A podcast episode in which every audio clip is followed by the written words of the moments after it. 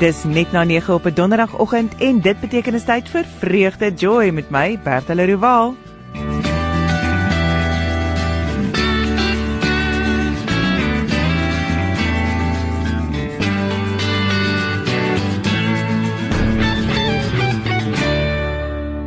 'n vreugdevolle goeiemôre aan 'n ieder en elk wat ver oggend ingeskakel is hier op Radio Kansel 657 AM en op Kaapse Kansel 729 AM. Ek hoop jy het 'n heerlike dag sover. Dat die Here jou sal seën met uh iets wat jou oë sal oopmaak, wat jou hart sal sal oopmaak en en wat net in plek sal val vir jou vandag. Uh en uh, ons gaan lekker saam kuier tot en net so voor 11:00 se kant. Maar eers wil ek vir ons saam lees uit Hebreërs 13 en dit vanaf vers 1 af. Die Christelike lewenswandel. As broers moet julle mekaar altyd lief hê. Moenie nalat om gasvry te wees nie. Want deur gasvry te wees, het sommige mense sonder dat hulle dit geweet het, engele as gaste gehuisves. Dink aan die gevangenes asof jy self ook gevangenes is en aan die wat mishandel word asof jy self ook mishandel word. Die huwelik moet deur almal eerbaar gehou word. Wees in die huwelikslewe getrou aan mekaar, want ontnugtigdes en egbreekers sal onder die oordeel van God kom. Hou julle lewe vry van geldgierigheid. Wees tevrede met wat julle het. God self het gesê: Ek sal jou nooit verlaat nie, jou nooit in die steek laat nie. Daarom kan ons met vertroue sê: Die Here is my helper. Ek ken geen vrees nie. Wat kan 'n mens aan my doen?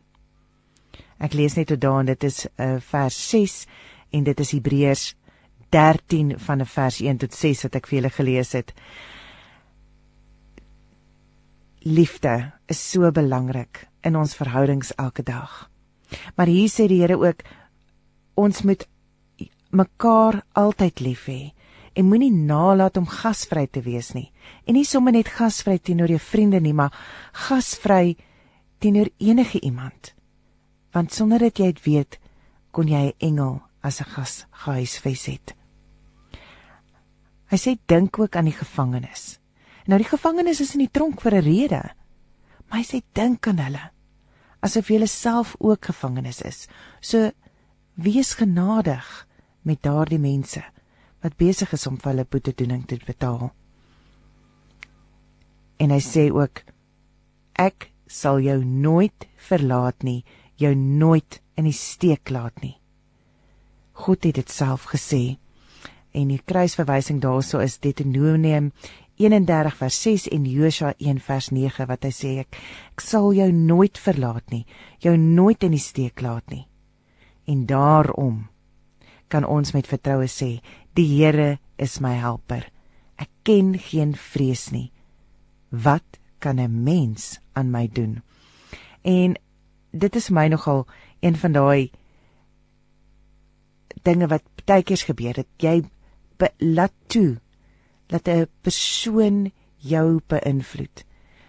Dat 'n persoon nie die duiwel nie, dat 'n persoon sommer jou vreugde steel en is moeilik om dit nie te doen nie.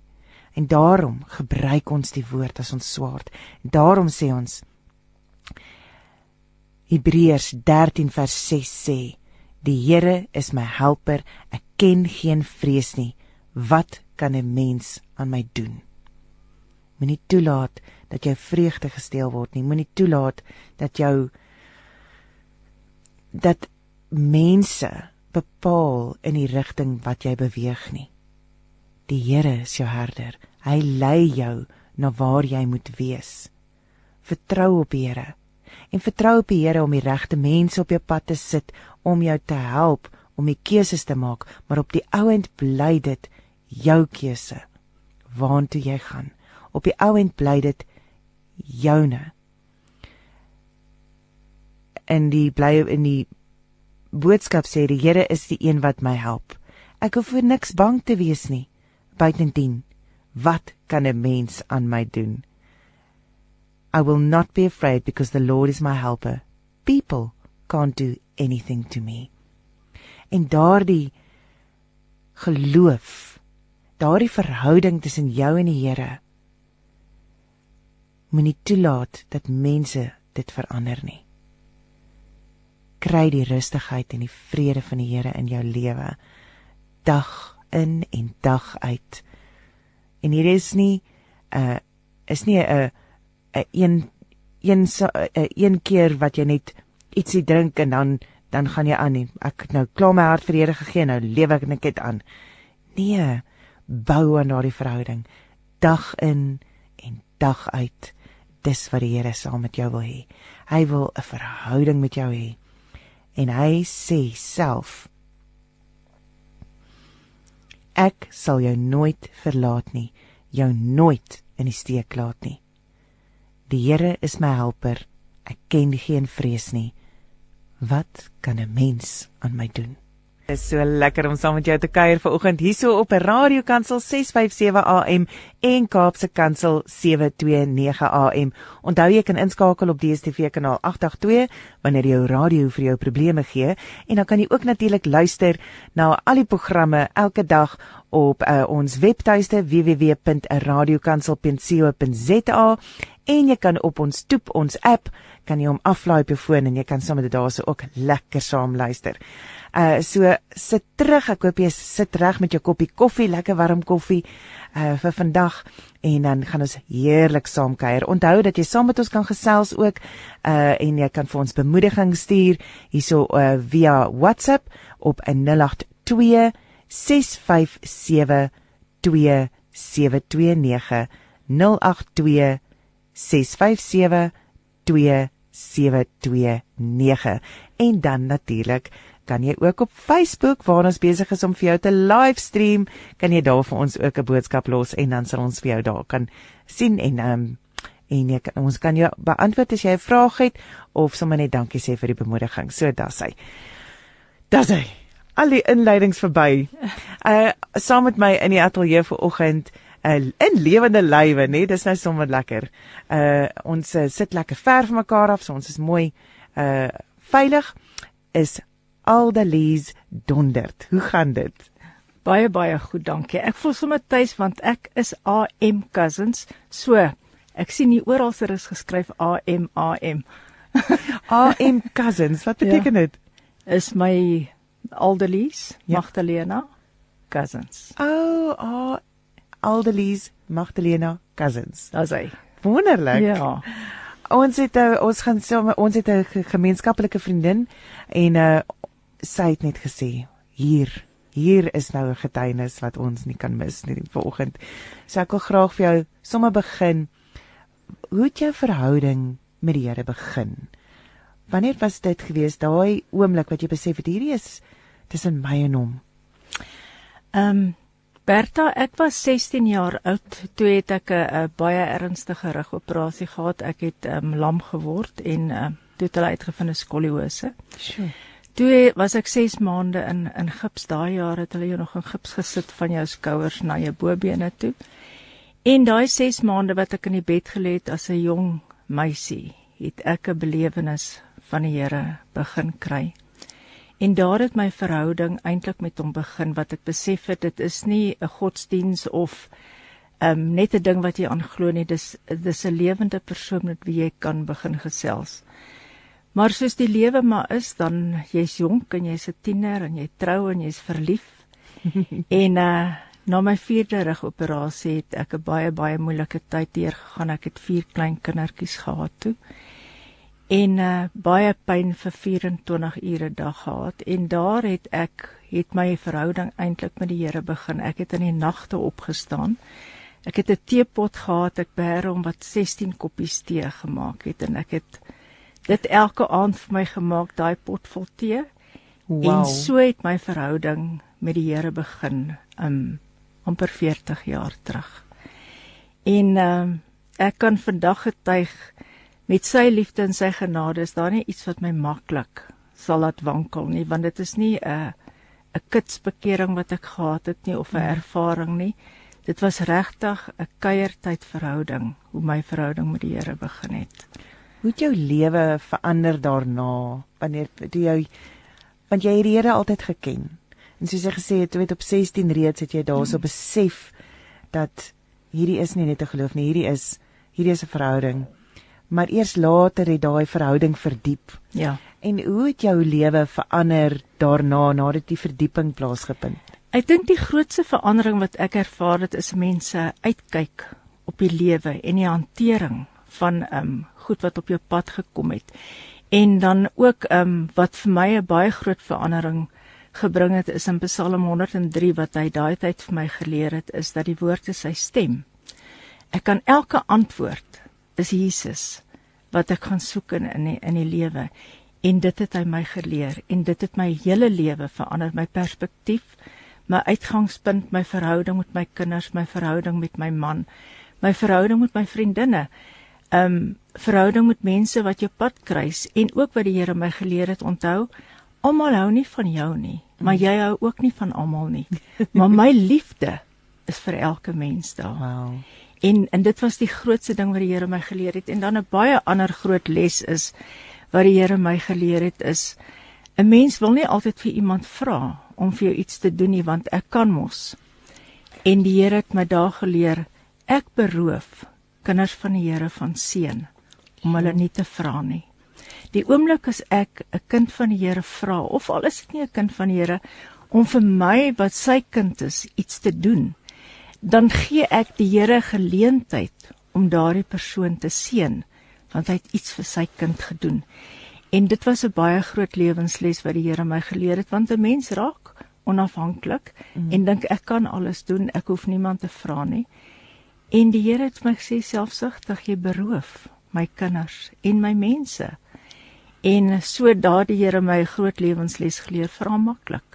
Ja. Iemand ek, kan sê ja of hy kan sê nee, maar meer sê nee en dan ja. en maar om jouself op daai punt te op daai punt te kry om te vra mm. is nie aldag maklik nie want uh ek dink dit het nogal te doen en ek met met jou eie ehm um, uh, persepsie van hoe mense jou sien of jou persepsie van hoe jy wil nie in die pad wees nie of jy wil hmm. nie ander mense uh se tyd roof hmm. nie. En soos jy nou sê, jy kan maar net vra uh en die antwoord kan ja of nee wees. Ja. Uh maar uh, dis vir my mooi ook wat jy sê dat dat jy jy kan ander mense beroof van die geleentheid uh om om 'n uh, iets te doen vir jou.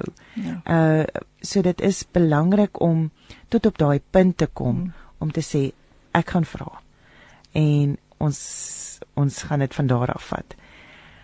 Het jy 'n voorbeeld in jou lewe gehad wat jy kan vertel wat uh gebeur het wat jy gesê het ag nee ek gaan hierdie self uitsort en so styf vasgehou het tot die Here vir jou oopgemaak het want jy kon gee en dan Ehm um, ek kan nie spesifieke goed dit was dit was 'n lewensles wat hy my geleer het en ehm um, saam met dit ehm um, het ook gegaan ehm um, jy weet baie keer kom 'n mens en iemand vra jou nie kan ek vir jou iets doen nie hulle sal vir jou byvoorbeeld sê ja ek gaan net vir jou bid. Mm. Maar partykeer het jy nodig dat iemand dalk vir jou tydskrif van die dorp af bring. Of ehm um, ek kan sê hoorie so uh, toe ek daai tyd in die bed gelê het ek was 'n jaar lank in die bed. Het ek besef, ehm um, mense kom nie en bied net altyd goed aan nie. Die maklikste is om 'n geestelike ding aan te bied. Ehm um, en dan wonder ek altyd het hulle dit gaan doen. En toe het ek geleer en sê, weet jy, ek vra jou, wil jy nie vir ons donderdag aand as huisgesin net elkeen 'n bord kos maak nie? En dan die die vreugde eintlik wat dit vir daai ou veroorsaak het om te kan dink maar ek kan mm. iets gaan doen. Of weet jy, ehm um, mense het gesê hulle kom Sondag vir ons kuier, maar ek is nie in 'n posisie om 'n koek te bak nie. As jy nie dalk lus om vir my 'n melktert te bak nie. En dan die blydskap wat ek ervaar het mm. wat mense uh, gevind het om te kan dink, maar wie ek het nie daaraan gedink nie, maar kan dit vir jou doen. En dan vir hulle die geleentheid geskep om volgende keer te dink nie te sê maar ek gaan vir jou bid of kom ek lees vir jou 'n stukkie nie, Maar kan ek nie dalk vir jou net gou by Spar aanry en vir 'n bietjie kruideniersware gaan koop nie? So dit dit word dan 'n 'n 'n dis amper asof dit sneeubal, asof dit dan net groei en groei in daai rigting in. En wat dit lekker maak. Ehm um, ek weet want ek praat ook nou veral nou met met vriende wat siek raak en vriende wat ehm um, hulle self moet afsonder en uh as gevolg van die COVID ek weet dat dit vir my frustrerend is wat ek sê ek weet ek stuur vir hulle boodskap ek sê vir hulle luister enigiets enigiets wat jy nodig het. Ek kan vir jou winkel toe gaan ek kan vir jou dit doen ek kan vir jou dat doen. Ek kan vir jou het jy genoeg kos? Het jy medisyne? Ek kan gaan vir jou die meds gaan haal. Ehm um, en en en dit is nogal teleurstellend baie keer as jy geen reaksie daarop kry nie. As jy kry ag nee wat ons is okay. Ons het um, ons laat ons laat sommer aflewer. Mm. Uh, ons ons doen sommer dit of ons doen sommer dat. Maar dit gaan oor daai personal touch. Ja. Maar kan jy nou sien die teleurstelling wat jy ervaar as jy graag vir iemand iets wil doen? Mm. Want dan sal 'n ou vir jou sê maar ek wil nie moeite wees nie, maar gaan dit dan om moeite wees as jy hom vra? Dan is dit nie vir hom moeite nie. Ja. Ehm um, so as 'n mens net verby dit kan kyk, weet jy, moenie wag dat iemand jou vra nie, gaan doen dit. Ehm um, en dan as jy dit gedoen het, dan het die persoon volgende keer 'n groter vrymoedigheid om dit vir jou te doen of te vra. Ehm um, so moenie net altyd vra nie, gaan doen dit net. Gaan doen dit net. Ja. Doen dit net, ja. ek dink dit is dit is wat die wat die wat die meeste beteken as jy net gaan, okay, uh, ek is op pad. Ja. Of ek staan voor die deur. Ek het vir jou ja. ietsie gebring wat wat jou net 'n bietjie gaan oplig en vir jou bietjie gaan help. Ja. Ons kyk gou hierso sê Letty Kreer. Sy sê sy's van Ballaborwa. Uh ons Vader het ons deurgedra in die koue tyd en ons genees van COVID. Hy is so getrou en bewaar ons kinders ook. Amen. Dries haar man, hy sê hy het nog brood, dankie. Absoluut God se voorsiening is groot. Staan op. Uh so wag so tussendeur. Adoons Bochum soek by Popos môre sussie en gaste daar deur ver. Snaakse maniere hoe God jou vaskeer sodat hy jou met jou kan handel. Dit was vir God nodig om my boetie in die gevangenis vas te keer sodat hy met my met my boetie kan handel. Wees geseënd geliefdes. Ja, dit is ek dink dit is ook ehm um, en nou uh gebeur dit dat ons nogal baie vasgekeer word eintlik in ons eie huise uh waar ons ehm um, met 'n inperking tydperk moet leef. En en wat is tog van die mense jy raak 'n bietjie skrikkerig om buite rond te beweeg en uh so jy word jy in afsondering geplaas. En en dit is vir my 'n geleentheid om dan met die Here te praat. 'n Geleentheid om 'n bietjie met hom meer te verdiep. En en aanvanklik was dit nie vir my dit ek het uh, gedink, o, ons het baie projekte in die huis. Kom ons gaan skoonmaak, ons gaan dit doen, ons gaan dit doen en ons gaan dit doen. En stelselmatig het het die duiwel gekom en gesê o, maar ek mm. gaan hierdie tyd wat ek nou wat wat nou beskikbaar gestel is, gaan ek vir jou, van jou af steel. Mm. Ek gaan dit steel met 'n uh, met 'n binge sessie van Netflix en ek mm. gaan dit steel met 'n um, o, al daai boeke wat jy nog altyd wou lees. O, en daai projekkie daarso, ek gaan dit steel. Ek wil nie hê dat jy dit gebruik om jou verhouding met die Here te verdiep nie. Ehm um, maar jy het nogal met die eerste inperking begin en gesê, "Oké, okay, wat gaan ek doen? Wat het wat wat het met jou gebeur in daardie tyd?" Jong, dat eintlik twee baie groot goed gebeur. Die eerste ding het ek gesê, my man moet asseblief net nooit aftree nie, want ek weet nie wat van ons twee saam in een huis maak nie. En ek dink daar's baie vrouens van my ouderdom wat dit sê. Maar wat 'n openbaring het ek ontvang van die Here dat hoe wonderlik is dit om weer soveel tyd saam te spandeer. En dan besef 'n mens net hoe maklik spandeer ons min tyd saam. Al leef ons saam in een mm. huis. En ek eer die Here daarvoor vir daai geleentheid wat hy weer my oë oopgemaak het om te besef om saam met iemand te wees of dit jou man of jou kinders of 'n vriendin of wat ook al is. Dis kosbaar. Moet nooit dink, "Ag, dit gaan moeilik wees nie," want dit is nie moeilik nie. Want waar hy is, is niks moeilik nie. Dit is mos maklik. En dan die tweede ding is um ek eer die Here. Ek is baie handvaardig. Ek sal nie sê ek is altyd kunstig nie, maar ek is baie handvaardig. Ek sê wys my en ek sal dit maak. moet net nie vir my boek gee nie. Sit langs my en wys my en ek sal dit maak en ek het net begin dink, ehm um, dit is 'n moeilike tyd vir baie mense en almal van ons hanteer dit verskillend. En ek het vir die Here gaan vra, wat kan ek doen om dit vir mense makliker te maak? Want kyk, ek love WhatsApp. En as my telefoon ping ping maak dat ek 'n WhatsApp kry, ag, dis soos 'n klokkie wat binne in my lyf so lekker is dit vir my. En ek het begin kaartjies verf maak, waterverf. En ek het elke dag, elke dag in die lockdown het ek boodskappe uitgestuur. Party was 'n partykeer was dit algemene boodskappe.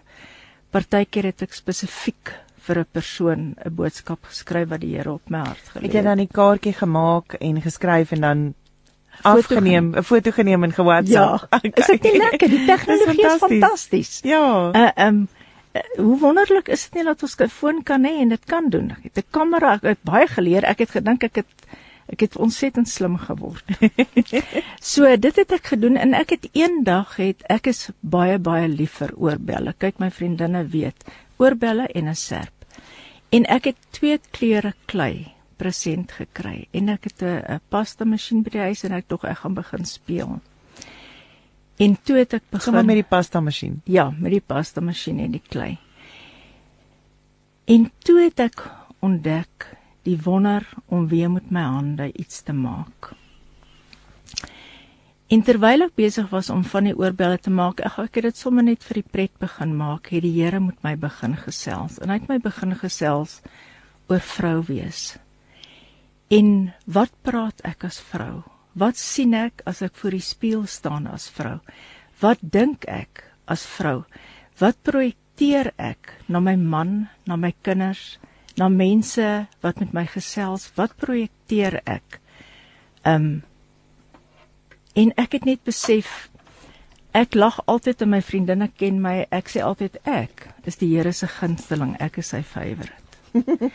en en ek leef so dat ek sy gunsteling is. Maar gunsteling is nie vir my so lekker woord verskoon, maar favourite is eintlik die lekker woord. En die Here het met my begin gesels en hy het gesê ek gaan jou idees gee en ek wil hê jy moet oorbelle maak. Maar as daar moet twee voorwaardes aan wees. Jy kan van hulle verkoop as jy voel jy wil verkoop wat ek ook besef het. As iemand 'n paar oorbelle by my gekoop het, aanvaar hy 'n tweede en 'n derde en 'n vierde paar oorbelle vreeslik maklik wat ek hom mee seën. Ah. Oh. Baie mense sal sê nee nee, ek wil nie, ek kan ek dit koop. Dan sê ek ja, goed, jy kan gee vir my R100 of R50 of wat jy het. En dan daarna dan kan ek vir hulle oorbelle gee soveel as wat ek wil hê is asof 'n pad oopgemaak word. Ek weet nie hoekom het ons 'n mentaliteit van ons moet verdien nie. Mm. En uh dit is een ding wat die Here my geleer het, ons kan niks verdien nie want hy het dit klaar vir ons verdien. So die Here het my elke oorbel is uniek wat ek maak. En hy het vir my gesê elke oorbel wat jy vir 'n vrou gee, is daar twee voorwaardes. Die vrou moet besef as sy dit aan haar oor hang, sy's uniek Sy's beeldskoon vir die Here. Sy's baie baie spesiaal en sy is sy gunsteling want sy sy bruid. En ek dink enige bruidegom dink sy bruid is sy gunsteling. En ek hoop so. Ek hoop ook so. Wel, as ons dan die meeste bruide kyk, dan glo ek dit is so want 'n bruid straal tog, nê? Nee. Mm. Want wat laat 'n bruid straal? Die liefde. En die tweede ding het die Here vir my gesê, jou oorbelle moet baie baie lig wees want my juk is sag en my las is lig.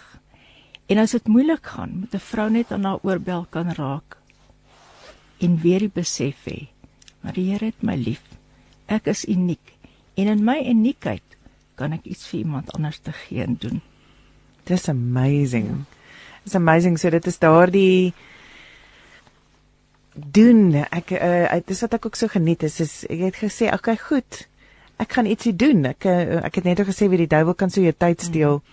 Ehm uh, ek gaan ietsie doen, maar ek gaan ek gaan dit uh, vir die Here doen. Ek gaan ek gaan dit uh, bewerk en ek gaan uh vir ander mense wys hoe God lief is vir hulle. En uh die boodskap wat daarmee saamgaan. Uh hoe God lief is vir hulle. Uh en uh jy het vroeër vir my gewys jy het so 'n boek van al die kaartjies wat jy gemaak het uh en uh, uh en dan per WhatsApp deur weggestuur het vir die mense om te te kan lees. Uh het hulle besef dat jy daardie werk ingesit het, dat jy dat jy dit handgemaak het? Ek, weet nie of almal ek weet nie of almal so daarna kyk om te besef dat dit handgemaak is nie, maar um, later het mense tog teruggekom na my toe en vir my gesê, "Weet jy, ek het teruggegaan en weer gaan kyk en weer gelees en besef, maar jy het dit geverf." en dan sê ek, "Ja, ek het dit ek het dit geverf en weet jy wat is met liefde geverf?" En jy sal sien op die kaartjies ook staan daar made with love, not perfection. Want wie van ons kan iets uit perfeksie uitgee? Ek kan nie, want ek is nie perfek nie. In Christus is ek ja. -hmm. maar nog steeds is ek in my liggaam en in my gedagtes. My gees is perfek en my gees lyk ek soos Jesus en dis my geesdeel wat ek met mense wil deel. Nie my vlees of my gedagtes of daai goed nie, maar sy liefde wat deur my gees volmaak is. En so ek doen dit met liefde, ek gee dit met liefde. Ek het 'n um, vriende van ons het 'n bediening in uh, Kempton Park hulle dogter werk met absoluut gebroke vrouens. Mm. En ek stuur vir haar ehm um, van die oorbelle, sy het 'n boks weer nou so ruk terug by my geneem. En dan sê sy vir my die verskil wat dit aan daai vrouens maak om te besef. Maar weet jy wat, maak nie saak wat my omstandighede is nie. Daar's nog steeds iemand wat dink ek is spesiaal of wat dink ek is mooi. Ehm um, want hoe maklik raak 'n vrou haarself nie af nie, veral as jy uit 'n verhouding uitkom waar daar net vir jou vertel is maar weet jy jy's lelik of jy's vet of kyk jy kan nou jy's jy's niks werd nie. En dan kry jy iets present wat iemand gemaak het en daardie persoon sê vir jou maar weet jy wat, die Here het jou lief. En dis kleurvol. Partykeer is van die oorbelle wat ek maak baie kleurvol want jy kry mense wat kleurvol is as hulle mos in 'n vertrek instap. Dan kan jy net ek wil amper sê kan voel die vreugde en die blydskap. En dan kry jy weer ander mense wat sê byvoorbeeld ek sal net 'n ligte pink oorbel maak en dit vir die persoon gee en sê weet jy, maar daai persoon stap in 'n geselskap in, maar daar's 'n sagtheid. Daar's 'n krag mm. sonder dat daar 'n woord gepraat word. 'n Stille krag, ja. 'n Stille krag en en dit is vir my so wonderlik um dat as ek 'n oorbel vir iemand present gee dat ek weet dat dit is wat die Here vir my gesê het om vir daardie spesifieke persoon te gee. Of ek sal byvoorbeeld 'n 'n um, paar oorbelle maak en dan wys die Here vir my die persoon se gesig. Wow. En dan weet ek dit is vir daardie persoon vir wie ek dit moet gee. So ek eer die Here, dit is vir my wonderlik om uit my huis uit tog vir hom bruikbaar te kan wees. En is dit vir jou 'n uh, 'n is 'n goeie ervaring. Dis wat ons nou 'n bietjie vroeër gepraat oor ehm um, mense wat jou toelaat om om hulle te kan dien, om vir hulle iets te gee, te kan gee. En wat jy ook nou vroeër uh, genoem het is uh die mense wat uh sê nee nee nee, ons kan nie net die oorbelle vat nie of ons kan nie net dit vat nie, want uh, ek moet jou betaal. En dan maak dit amper die deur oop vir daai net die rustige okay, okay, ek kan nou nou kan ek ontvang van jou af. Ehm um, waar dink jy kom daardie mentaliteit vandaan dat ons alles moet verdien?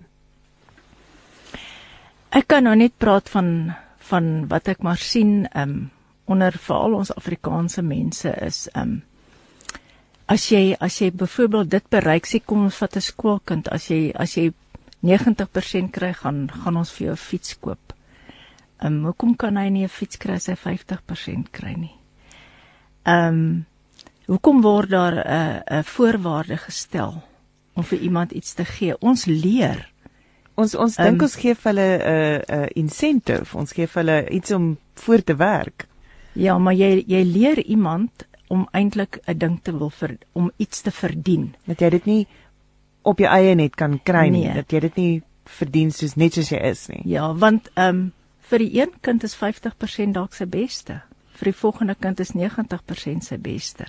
Hmm. Ehm um, Maar vir vir die ouers is dit nie die beste nie. Maar kom ek gaan jou motiveer wat nie altyd 'n negatiewe uh, bedoeling by betrokke is nie, maar ek dink ons word grootgemaak met dit um kom ons vat byvoorbeeld as iemand siek is.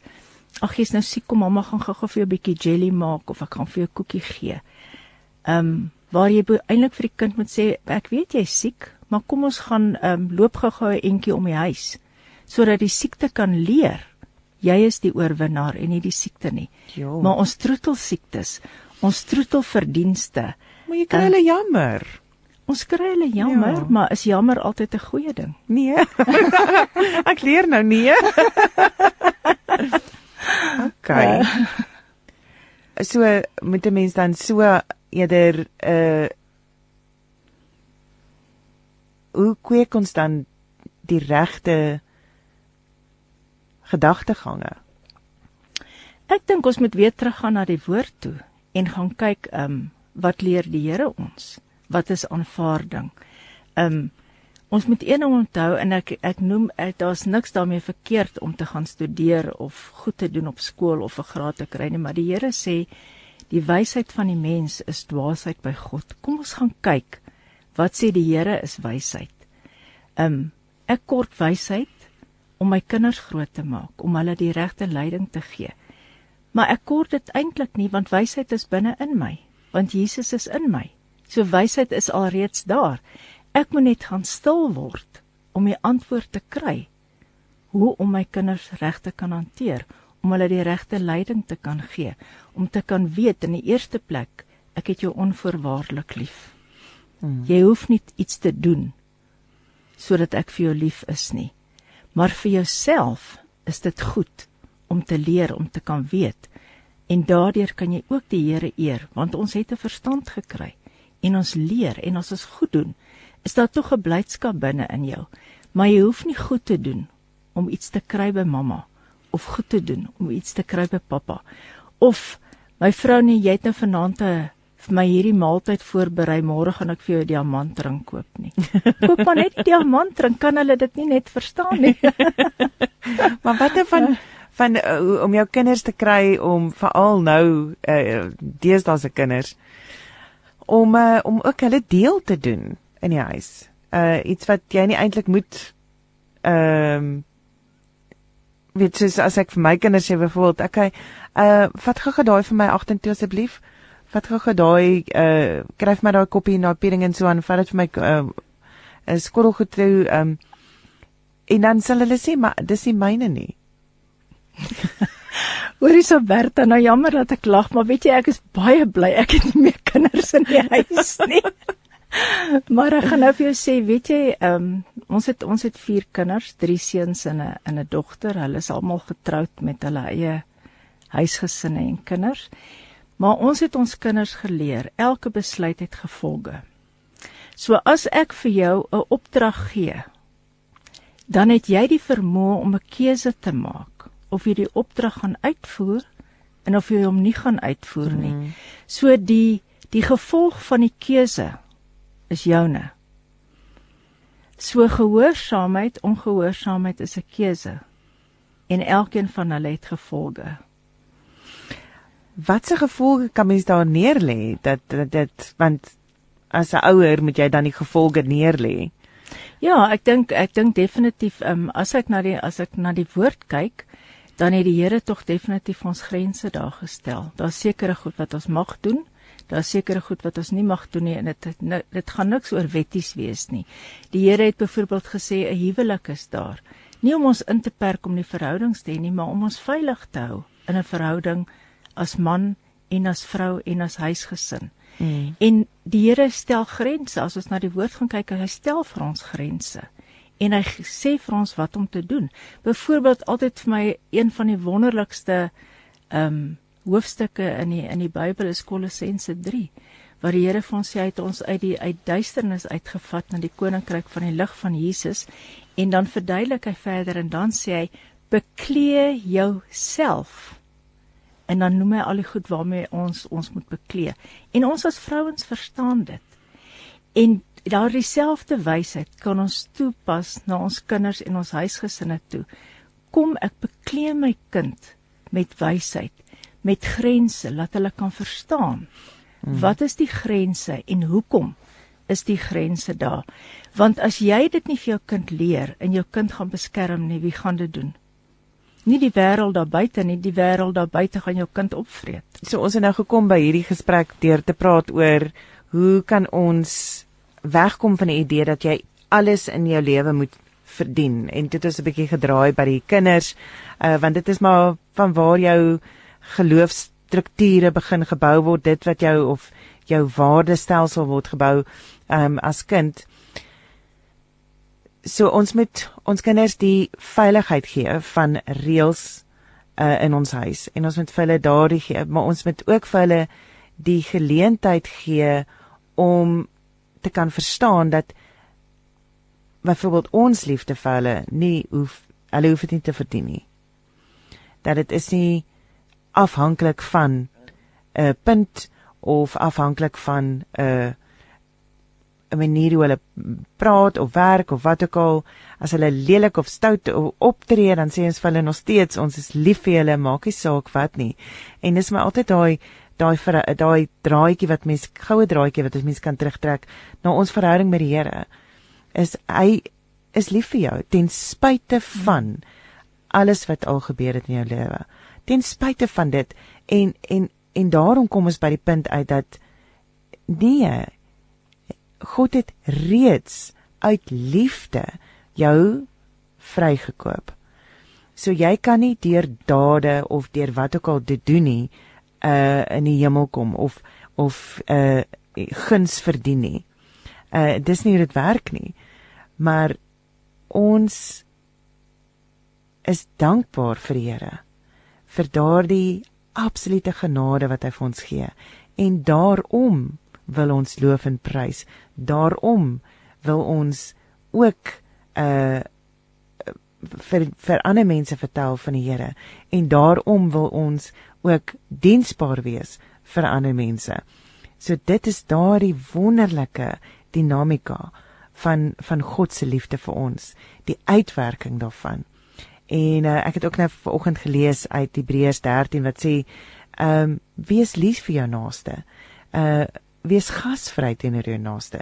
En dit is wat vir jou die boodskap deurgekom het in die inperktyd.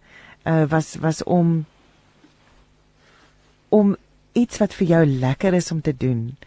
Uh die die kuns en jou verhouding met Here sit te kombineer en om dit diensbaar uit te lewe aan die familie mense om jou.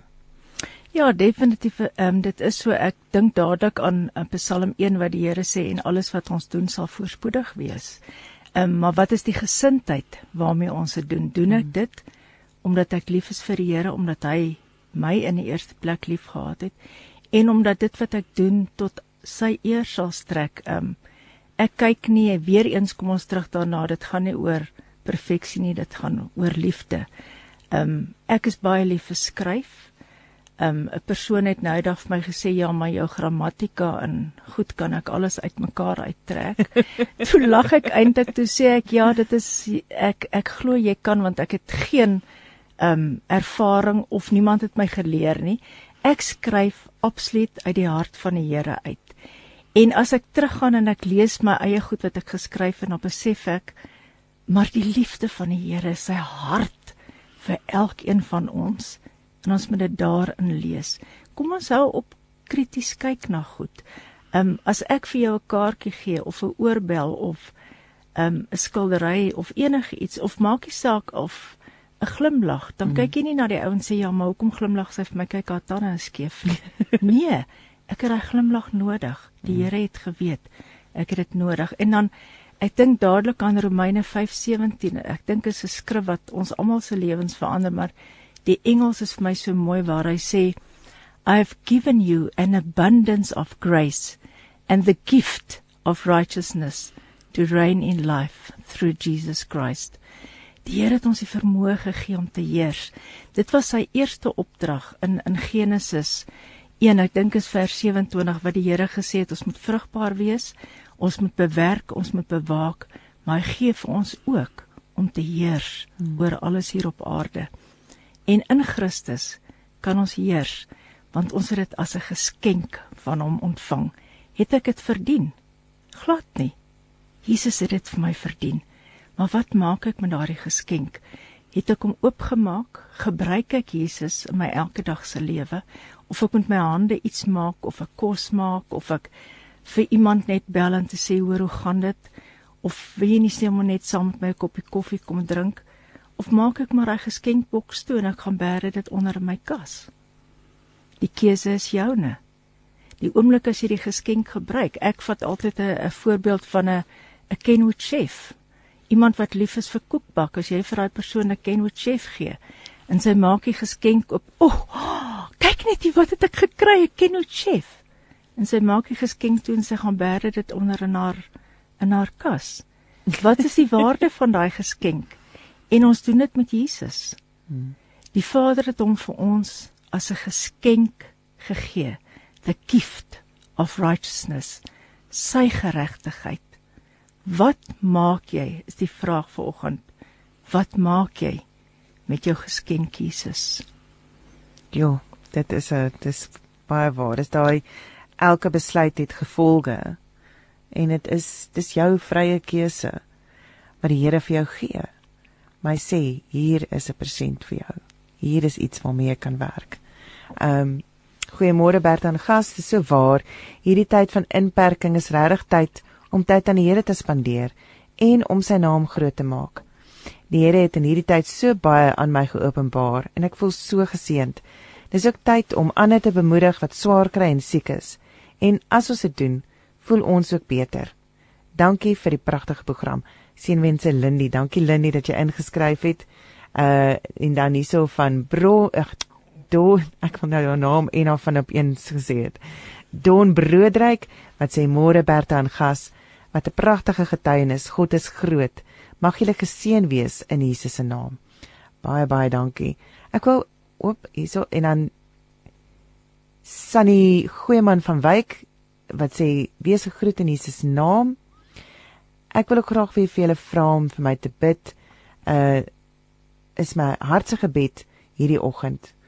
Die uur van die woord in Matteus 7 vers 7 in my en agter my lewe sal manifesteer.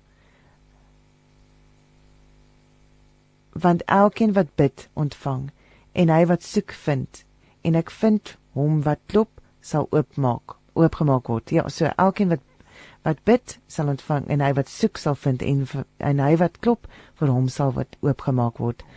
Dis my eggenoot se begeerte dat ek 'n uh, inkomste moet verdien en ek kan my eie motor bestuur. So ek het graag my begeerte om te werk en ek sit gedurig CV's in, maar teen geen positiewe antwoord nie. Vanmôre vra ek vir u dat ek geloof sal vat en dat die Here vir my gebed sal hoor, want ek bid en ek vra en tog kry ek nie werk nie. Ek weet nie hoe bid ek nie of vra ek nie reg nie. Baie dankie vir u gebede. Die Here seën. Dankie. Sannie van Wyk dit is nogal in hierdie tyd is dit 'n moeilike ene daardie Sunny baie dankie dat jy so mooi met ons gedeel het. Um ek uit persoonlike ervaring wil ek vir jou sê um op die oomblik bid ek net vir die Here se uh, se ek bid uit dankbaarheid vir sy voorsiening wat nog gaan gebeur. Ons sê altyd uh wanneer jy uit dankbaarheid bid, wanneer jy reeds glo God het dit vir jou gegee. Dis wanneer jy uit dankbaarheid bid en so as jy so bid, dan is dit ook 'n manier wat die Here vir jou gee om net rustig te raak. Um, want hoe angstiger jy raak oor 'n situasie, hoe angstiger jy raak oor geld wat nie inkom nie, oor ehm um, werk wat nie daar is nie, oor 'n uh, eh, siektes wat wat jou pla, hoe angstiger jy raak, hoe groter raak die probleem bid uit dankbaarheid. Here, dankie dat U reeds die werk wat ek gaan doen voorsien het dat U reeds dit in in werking gestel het, Here. Dankie dat dit sal kom op U goeie tyd, Here. Dankie dat ek weet tot en dan kan ek op U vertrou uh vir U voorsiening. Dankie vir die rustigheid en die vrede wat U vir my gee.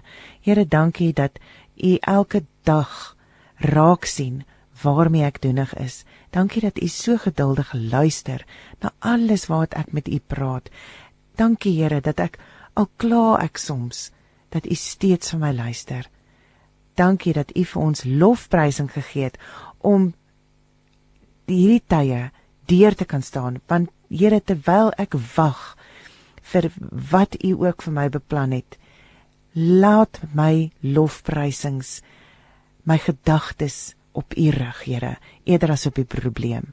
Here dankie vir voorsiening wat u elke dag vir ons gee. En en dit is vir my regtig wat vir my so so help en so so elke dag net opbeer is die oomblik die oomblik wanneer die duiwel kom en hy sê o oh, kyk nou net so. Hoeveel sewies het jy nou uitgestuur? Wat het jy nou alles gedoen en niks daarvan af gekom nie? Nee. Dan sê ek net nee wat? Moenie moenie jou bekommer daaroor nie. Die Here is in beheer. Die Here is in beheer en ek het klaar vir hom dankie gesê vir wat hy reeds vir my voorsien het. En ek het klaar vir hom dankie gesê vir dit wat nog kom. Want hy is almagtig en groot en hy is alwetend. Hy gee vir my die rustigheid. Ek gaan nie toelaat dat die duiwel my rustigheid steel nie. O, oh, en dan kom hy en dan val hy jou aan. Hy sê, "Nee, maar dit en dit en dit en hy praat met jou in jou kop." En hy en hy oor en oor probeer hy vir jou poetjie, oor en oor probeer hy vir jou ehm um, probeer hy vir jou doubts gee. Probeer hy vir jou sê ja, maar ja, maar. Nee, elke keer vas staan vas en sê vandag bid ek Hebreërs 13 vers 8 oor.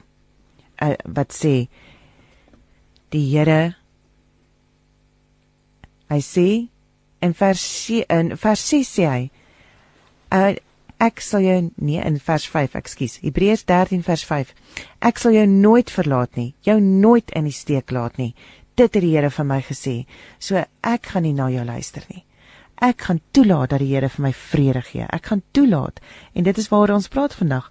Laat die Here toe om jou te rustig te uh, rustig te maak. Laat die Here toe om dit wat hy vir jou beplan in werking te sit. En baie keer soek jy die uh antwoord waar jy wil hê dit moet wees. En baie keer is die antwoord op 'n heeltemal 'n ander plek. Met my, soos byvoorbeeld my toe ek begin werk het hierso by Radio Kansel 6 jaar gelede, het ek vir die Here gesê, Here, ek dink ek moet in radio ingaan en ek weet by hierdie radiostasie is daar 'n plek vir my. Dit is waar ek moet wees en toe en koop slaan daai deure my gesig toe. En ek was teleurgesteld want my verwagting wat moes gebeur het het nie gerealiseer nie. Maar ek het dan ek het dan so seker gevoel. Die Here het vir my tekens gegee. Deure het oopgegaan. Alles was reg gewees. En op die ou end het die Here my hier geplaas by Radio Kansel want ek het aanhou glo dat hy steeds sal voorsien dat dit wat hy vir my beplan het sal gebeur. Maar dis nie altyd die prentjie wat jy wil hê nie. Dis nie altyd die prentjie wat jy in jou kop geskep het nie. En hier het die Here my geplaas by Radio Kansel en ongelooflike seëninge aan mekaar. Dit is my so wonderlik om hier te sit as omroeper, om hier te sit en te kan bedien elke keer en God se woord te hoor. En die gaste kom en die gaste gaan en elke keer leer ek iets nuut. Die Here wou my hier hê. Nie by 'n ander radiostasie nie. Hy wou my hier hê. En dit is hoe hy voorsien. So hou aan bid. Hou aan om God te loof en prys in daardie gang wat jy wag vir die deur om oop te gaan. Maar pasop dat jy nie sy genade miskyk want jy is so gefokus op dit wat jy wil hê nie. So laat u wil geskied, Here. U wil nie myne nie. U's eerste, ek's derde. U's eerste. My na my naaste is tweede en ek is derde. En uh, dit is o, oh, sjoe, dis nou sommer so baie wat ek nou hier uh vir julle lekker net saam kuier en preek, maar ek wil nou weer Aldelise is nog steeds hier so by my. Sy het nie verdwyn soos mis voor die son nie. Ons gaan nog steeds lekker kuier. Ehm um, maar dit is nogal dis daardie ding is is wanneer jy jou vertroue in die Here stel stel om te sê goed dan is dit soos u wil. Laat u wil geskied, Here. En dis nie altyd wat ons wil hê nie, dis wat ons wil hoor nie. Ja, maar ons ken sy wil want sy woord is sy wil. Ons hoef nooit daaraan te twyfel nie. En um vir 'n uh, Sannie wil ek net vanoggend sê weet jy wat daar in Korintiërs wat die Here vir ons sê neem elke gedagte gevange. In die Engels is dit imagination. En kom ons maak dit nou ook positief. As ek byvoorbeeld sê die woord appel wat sien jy? Jy sien 'n uh, 'n fisiese appel jy sien 'n prentjie. Ja. Ons dink in prentjies Dis nie net kunstenaars wat aan prentjies dink nie. Elke wese dink in prentjies. En net so wil ek vir jou vanoggend sê en ek sê dit vir myself elke dag en nou ons kan dit almal maar ehm um, vat en dit leef. sien in jou gedagtes jou werk. Wat is die passie van werk wat die Here op jou hart gelê het? Want dit is tog God wat ons die passie gee. As jy sê wou graag op die radio gewees het, jy het in 'n verkeerde rigting dalk gedink maar die passie om op die radio te wees het God in jou geplaas. Mm. So sien jouself in die werk wat jy graag wil doen, want dit is tog die Here wat daai passie in jou plaas. Ehm um, want dit is dit is tog wat die hoop is, wat geloof is hoop om dit te kan sien wat ons nie kan sien nie. Mm. En dan die die volgende ding wat so belangrik is, geloof en glo is nie dieselfde ding nie. Geloof is 'n selfstandige naamwoord. Dit is wie ek is. Geloof in Christus. Maar glo is 'n werkwoord. Mm. Dis 'n aksie. Dis doen. Doen iets. Doen iets. Moenie passief wees nie. Glo is nie passiwiteit nie. Glo is 'n aktiewe werkwoord en begin deur jou gedagtes, jou imagination te gebruik. Wat is die passie van werk wat die Here in jou geplaas het? sien jouself as dit agterlesenaar, sekretaresse, skoolhou, admin ek weet nie, maar sien jouself en dit is geloof, dit is die hoop om te kan sien die wil die passie wat die Here in jou geplaas het die uitwerking van ja. van God se beloftes. Ja. Ek ek kan nie vra en dan sien ek myself as 'n mislukking nie. Mm ehm um, dan dadelik kom my skrif in Jakobus by my op. Die Here sê moenie wees soos as jy bid soos 'n brander wat heen en weer gaan nie en dan die volgende skrifgedeelte laat my altyd skrik wat daar sê die Here sê so 'n persoon sal niks van my ontvang nie. So partykeer moet ons gaan kyk as ek bid wat is die aksie van my glo wat ek doen nadat ek gebid het. Want gebed hou nie op met amen nie. Mm. Gebed begin by amen want amen beteken dit sal so wees. So dan begin my gebed eers werk. So wat is my aksie van glo nadat ek gebid het? Kan jy vir ons 'n voorbeeld gee? Ek dink dit is 'n bietjie abstrak vir almal om te verstaan dit uh, wat jy nou sê. So uh, ons jy bid en jy uh, en en wat is jou aksie van glo nadat jou gebed klaar is?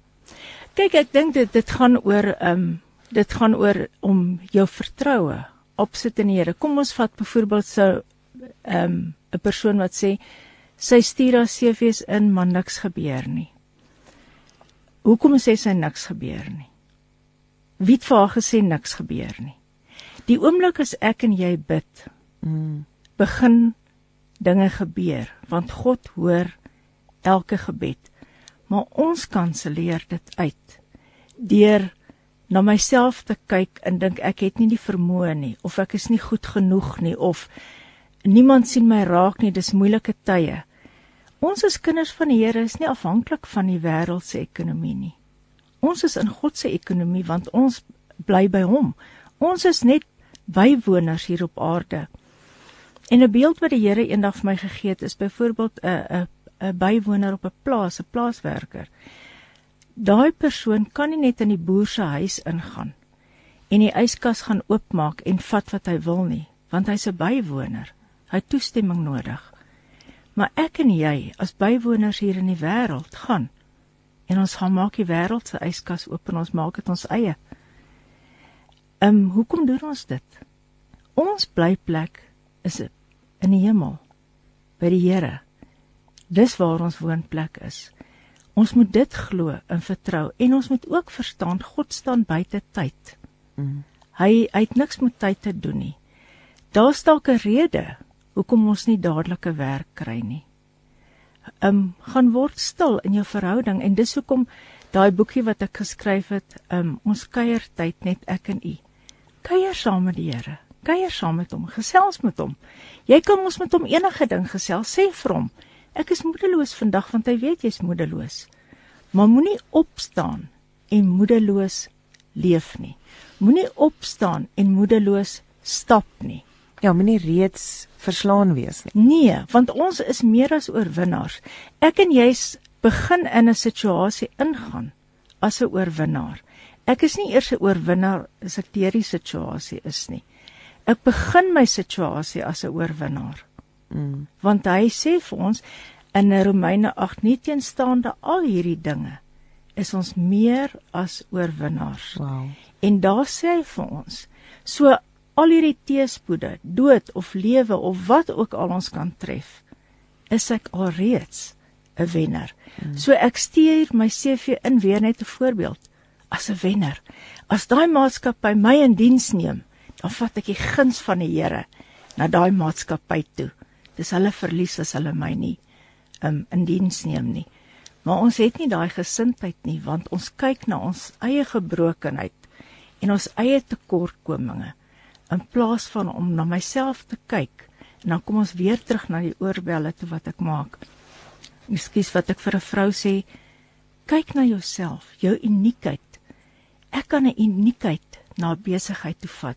Jy het 'n uniekheid na radiokansel toe gebring. Absoluut. Ek dink dit is die die die antwoord daarvan dit is jy moet vertroue hê. Jy moet jou vertroue in die Here plaas. En dan uit vreugde sê, goed, en ek stuur uh, die CV na hierdie, na hierdie en na hierdie, na hierdie plek toe en ek weet daar waar dit nodig is, sal dit vrugbaar wees. Dankie Here daarvoor. En Absoluut. ek dink dit is die manier. Ons moet nie sê oh woe is me, oh woe is me nie. Jy is reeds geseën. Jy's ja. reeds 'n oorwinnaar. Ja. Jy's reeds aan die wenkant mm. uh van waar jy moet wees. So uh en en dan uh, het ek nou iets geluister gister wat ek sê wat dit sê uh die Here is my herder. Hy um all if I go through the valley of death. Hy sê nie ek gaan kamp 'n bietjie daar of ek mm -hmm. gaan slaan op 'n tentie of ek gaan nie ek gaan deur dit mm -hmm. loop. Mm -hmm. So jy gaan deur hierdie tyd. En dit is met jy weet dat jy reeds as 'n oorwinnaar deur hierdie tyd stap ja. want die Here dra jou deur hierdie ja. tyd. Mm. En dit dit beteken dat ja, daar gaan tye wees wat jy moedeloos is en wat jy hartseer is wat jy gebroke is, mm. dat jou dat jou hart aan skerwe lê. Maar die Here sê, ek is hier by jou. Ek wil hê kom sit kom sit hier op my skoot. Mm. Kom dat ek jou vashou. Kom dat ek jou vashou deur hierdie tyd. Vertrou op my. Ek sal jou oplig. Daai wat mm. pappa sê, ek sal jou vang. Ja. Vertrou op hom. Hy mm. sal jou vang. Ja, weet jy ook Bertha baie 'n groot lewensles wat ek daai jare wat ek so saam met die Here tee gedrink het. Um ons sê maklik vertrou die Here, maar ken ek sy karakter? As ek sy karakter nie ken nie, hoe vertrou ek hom? So gaan sit by hom, laat hy jou leer wie hy is. In die Nuwe Testament is dit vir my die wonderlikste ding hy het gesê ek kan ek kan hom roep as Abba Vader, Abba Papa. Um Vir my is dit so wonderlik. Ek kan met enigiets na hom toe gaan. So vertrou hom, maar gaan leer sy mhm. karakter sodat dit maklik is om te kan vertrou. Want as jy nie sy karakter ken nie, as jy te goed toevoeg uh, en sê ja, die Here het dit en dit en dit oor my pad gebring of hy dit toegelaat of hy dit toegelaat, dan ken ons nie altyd sy karakter nie en hoe vertrou ek hom dan? As ek glo byvoorbeeld hy het 'n hartseer oor my lewe gebring, hoe vertrou ek hom dan met die troos? Leer sy karakter ken, dit is so belangrik om te weet wie hy is sodat ek hom baie maklik kan vertrou en om sy genade beter te kan ervaar. Absoluut. Hy sê vir ons ook, wil jy meer genade hê? Daar's 'n paar plekke in die Nuwe Testament waar die Here vir ons vra, wil jy meer genade hê? En dan gee hy ons die antwoord om dit te kry. En een van hulle is gehoorsaamheid. En daai gehoorsaamheid om seker te maak dat jy en dit is daar waar jy jou gedagtes moet vasvang. Ja in die oomblik as as die duiwel kom en gedagtes in jou kop plaas mm. van uh jy's nie waardig nie, uh jy's nie goed genoeg nie. Uh natuurlik sal jy nie daai rol kry nie want dit hoort nie aan jou mm. nie. Ehm um, maak jy die besluit om mm. die deure toe te maak en ons het net nou gesê praat oor kinders wat ons met hulle verleer het ons besluite mm. elke besluit het 'n gevolg en dit is die gevolg daarvan as jy reeds besluit het daai deure is toe vir jou ja dan gaan hy toe wees. Hy gaan toe wees. Want kyk, onthou, net ek self het volle beheer oor my gedagtes. Niemand anders het nie. Net ek self kan my weerhou van die seën van die Here, want hy sê vir ons in Efesiërs 1:3, ek het julle alreeds geseën met alle geestelike seënings. Maar hoekom manifesteer dit dan nie in my lewe nie? Want ek weerhou die seën van die Here van my lewe af weg deur nie hom te vertrou byvoorbeeld of na myself te kyk en my af te kraak as die Here gesê het ek was goed genoeg vir hom hy het aan die kruis vir my aldelies gesterf wie is ek om te te dink my woord hy dra meer waarde as sy woord om te sê maar ek is nie goed genoeg nie ek is ek is nie mooi nie of ek is te vet of ek is te oud of ek het nie die vermoë nie. As hy gesê het, maar my seun gaan vir jou sterf. Jy is goed genoeg. Hoekom stel ons baie keer ons eie woord bo die woord van God? En dit is daai ding ek ek raak nogal daai uh, ons ons kry dit baie. Dit is ietsie wat ons vrouens nogal baie mee gebeur is ons besluit iets oor ons oor hoe ons lyk en wie ons mm. is en so aan en ons ons hamer op daai. Ek is nie mooi genoeg nie, of ek is nie dit nie of wat of ek is nie sterk genoeg nie. Ek kan dit ek kan nie, ek kan nie Here, ek kan nie, ek is nie sterk genoeg nie. Dankie Here vir u krag wat u vir my gee. Mm. Dankie dat ek saam met u sterk genoeg mm. is om hierdeur te kom. En dit is net die verandering van jou siening van God se genade mm. en God se se liefde vir jou wat jou kan help om deur moeilike tye te kom. Ja. Um om deur daardie pyn te kom. Uh ons het hier so 'n boodskap uh van Julie uh, B Steinberg wat sê sy sê so wonderlik my liewe vriendin. Uiteindelik is op radio met soveel wysheid en kennis. Love love Julie. En dan uh, Jolanda Meyer wat sê amen. Daar's op Facebook en dan Wayne sê o, oh, dankie uit vir ons die die Bybelvers gestuur. Hy sê dis Markus 11 vers 24. Daarom sê ek vir julle, alles wat julle in gebed vra, glo dat julle dit al ontvang het en dit sal vir julle so wees. Glo dat julle dit al ontvang het en dit sal vir julle so wees. Hoe ja. wonderlik ja. Ja. is daai seëning net. Ja, en dis 'n belofte. Elke belofte is ja en amen om God te verheerlik deur Jesus Christus maar deur ons elke belofte gaan in vervulling deur ons mm. nie op 'n ander manier nie kan ek 'n kort getuienis gee van vertroue in die Here asseblief ehm um, ek het eendag na my sussie toe gery daar by Cosmos City verby en ek ry regtig net my spoed ek ry nie oor my spoed nie maar ek het nie gesien as 'n 80 km sone nie en ek het 120 gery en hulle stop my toe En die ehm um, verkeerskonstabel sê vir my ek moet asseblief uit die kar uitklim want hulle gaan my arresteer oor ek so vinnig gery het. Jo. En ek sit net daar ek sê vir hom I'm not going to get out of this car. I say you have to we have to arrest you. En ek bid nou bid ek sê ek sê Here vandag moet u deurkom vir my. Nou hoekom ek hierdie getuienis is die vertroue wat ons kan hê in wie ons Vader is. En ek sê Here, U moet deurkom vir my vandag asseblief. En hy sê vir my hy gaan net sy supervisor kry want hulle moet ek moet nou uit hierdie kar uit klim. Ek sê vir hom gaan kry maar en hulle kom terug. Ek sê vir hom ek gaan nie uit die kar uit klim nie. En ek het ook niks in my handsak om vir julle te gee nie. So moet ook nie eers na my handsak kyk nie. En ek sê Here asseblief u moet deurkom na my en die Here gee vir my 'n woord van wysheid en ek sê vir die eerste verkeerskonstabel wat daar was ek sê die wie Here wys my jou seun is baie baie ernstig siek. Maar gee my jou hand, ons gaan nou vir hom bid. Die Here sê hy genees jou kind op hierdie oomblik. En daai man begin verskriklik huil en hy sê sy kind is baie baie ernstig siek in die hospitaal. En die ehm um, sy verneem die supervisor, ek weet nie wat is die Afrikaanse woord okay. nou daarvoor nie. Uh begin sommer die trane uit sy oë loop. Hy sê Do you have a word from the from the Lord for me please I was praying this morning en die Here gee vir my 'n woord vir daardie man. En alhoekom ek hierdie wil sê is hoe wonderlik is die Here dat ons hom in elke situasie kan vertrou. Ek het oortree want ek het te vinnig gery, maar ek bly nog steeds sy kind. Mm. En ek kan na hom toe gaan en sê Here help my uit hierdie situasie uit. En wat het die Here gedoen? Hy het twee mense gestig om aan hulle te openbaar dat hy leef. En dit het, het nie gegaan oor my nie. Dit het gegaan oor die Here vir daai twee mans liefhet en hy vir hulle iets wil wees. En as dit nooit ons uitgangspunt kan wees, kom ons leef om vir mense te wys dat die Here leef. Absoluut. Sou sê ehm um, Chrissy Laupser wat sê ek wil by julle aansluit daarby dat ons moet glo.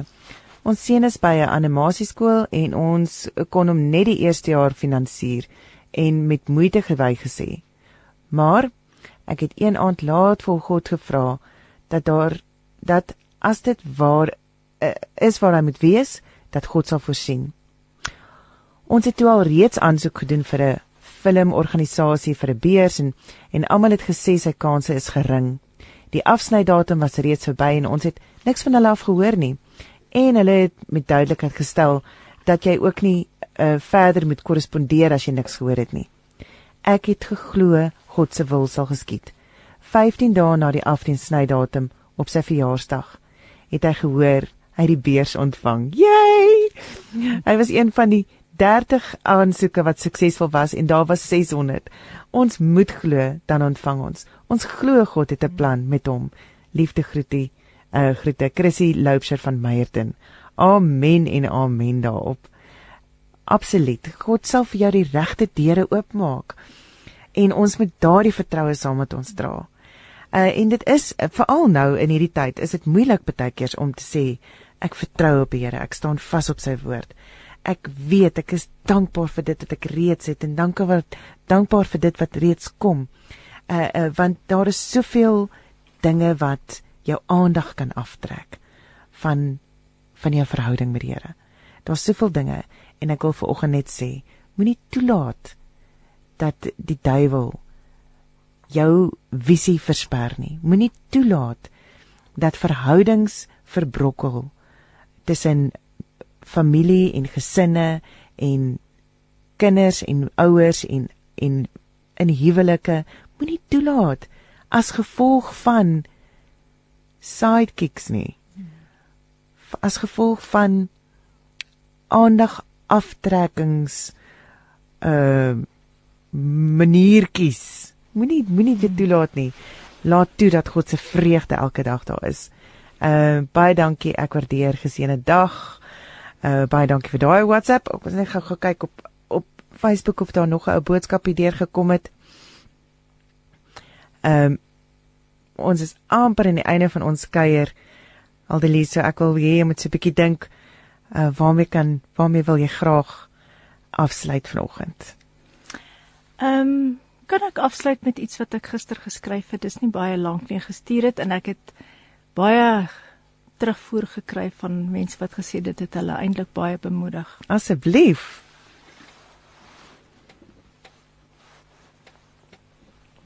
Daar sy. Kom ons kyk gou hier op ons Facebook. Ah, daar sy sien nog enetjie. Suret. Ag, oh, hallo Suret. Dit sê lekker geluister na julle. Baie dankie Berta.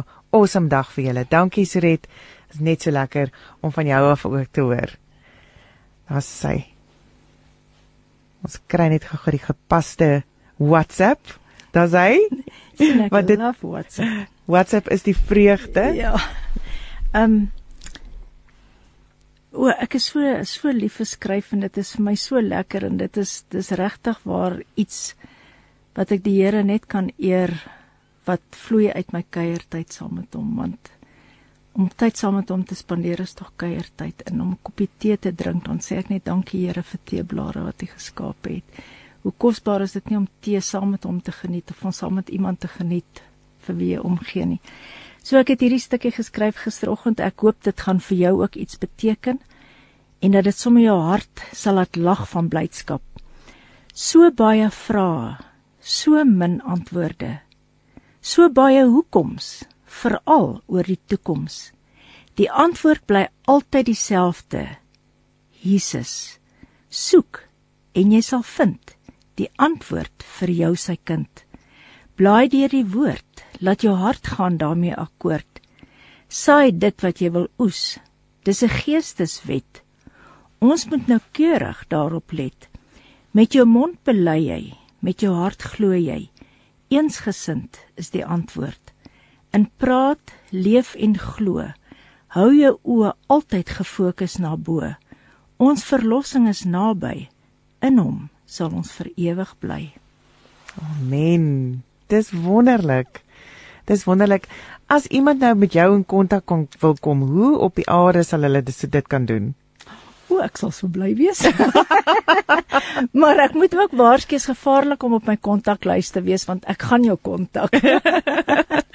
hoe kan hulle so, oh, hulle kan my op my WhatsApp kontak? Op WhatsApp kan hulle vir jou kontak en net gou kyk. Ek gou die nommer ek daar sê. Die nommer vir Aldelies is 084 587 0659 084 587 0659 uh en dit is natuurlik stuur vir haar WhatsApp uh en uh, word deel van haar kring van bemoediging. Uh Willeminde Toy sê tannie Aldelies leef haar verhouding met Jesus ten volle uit. Ek het by haar geleer om saam ons Here tee te drink en 'n reël verhouding met hom te hê. Liefde Willemien. So lekker. Oh, dit is wonderlik. Ek eer die Here. Dankie. Wat wat 'n voorreg om 'n lewende Here te kan. Ag, ons is so lucky. Is elke oggend um vir my 'n wonderwerk om te besef hy leef en ons kan sy stem hoor want die hele Bybel is sy stem en hy antwoord ons. Ek biljoene mense gesels ons met hom en hy antwoord vir my. Dit maak my mos spesiaal. Dit maak my mos sy favourite. Absoluut. Elkeen van ons sy gunsteling. Ja. Uh baie baie dankie. Ons gaan nou 'n bietjie breek vir musiek en daarna sal ons uh verder gesels met uh, Venet Vanessa Kraus uh oor uh tienerverslawing. So as jy kan ons daarmee kom join. Baie dankie Aldelies weer eens. Ek sê vir jou baie dankie. Wat 'n voorreg was dit vir my gewees. Vir my die voorreg net so lekker.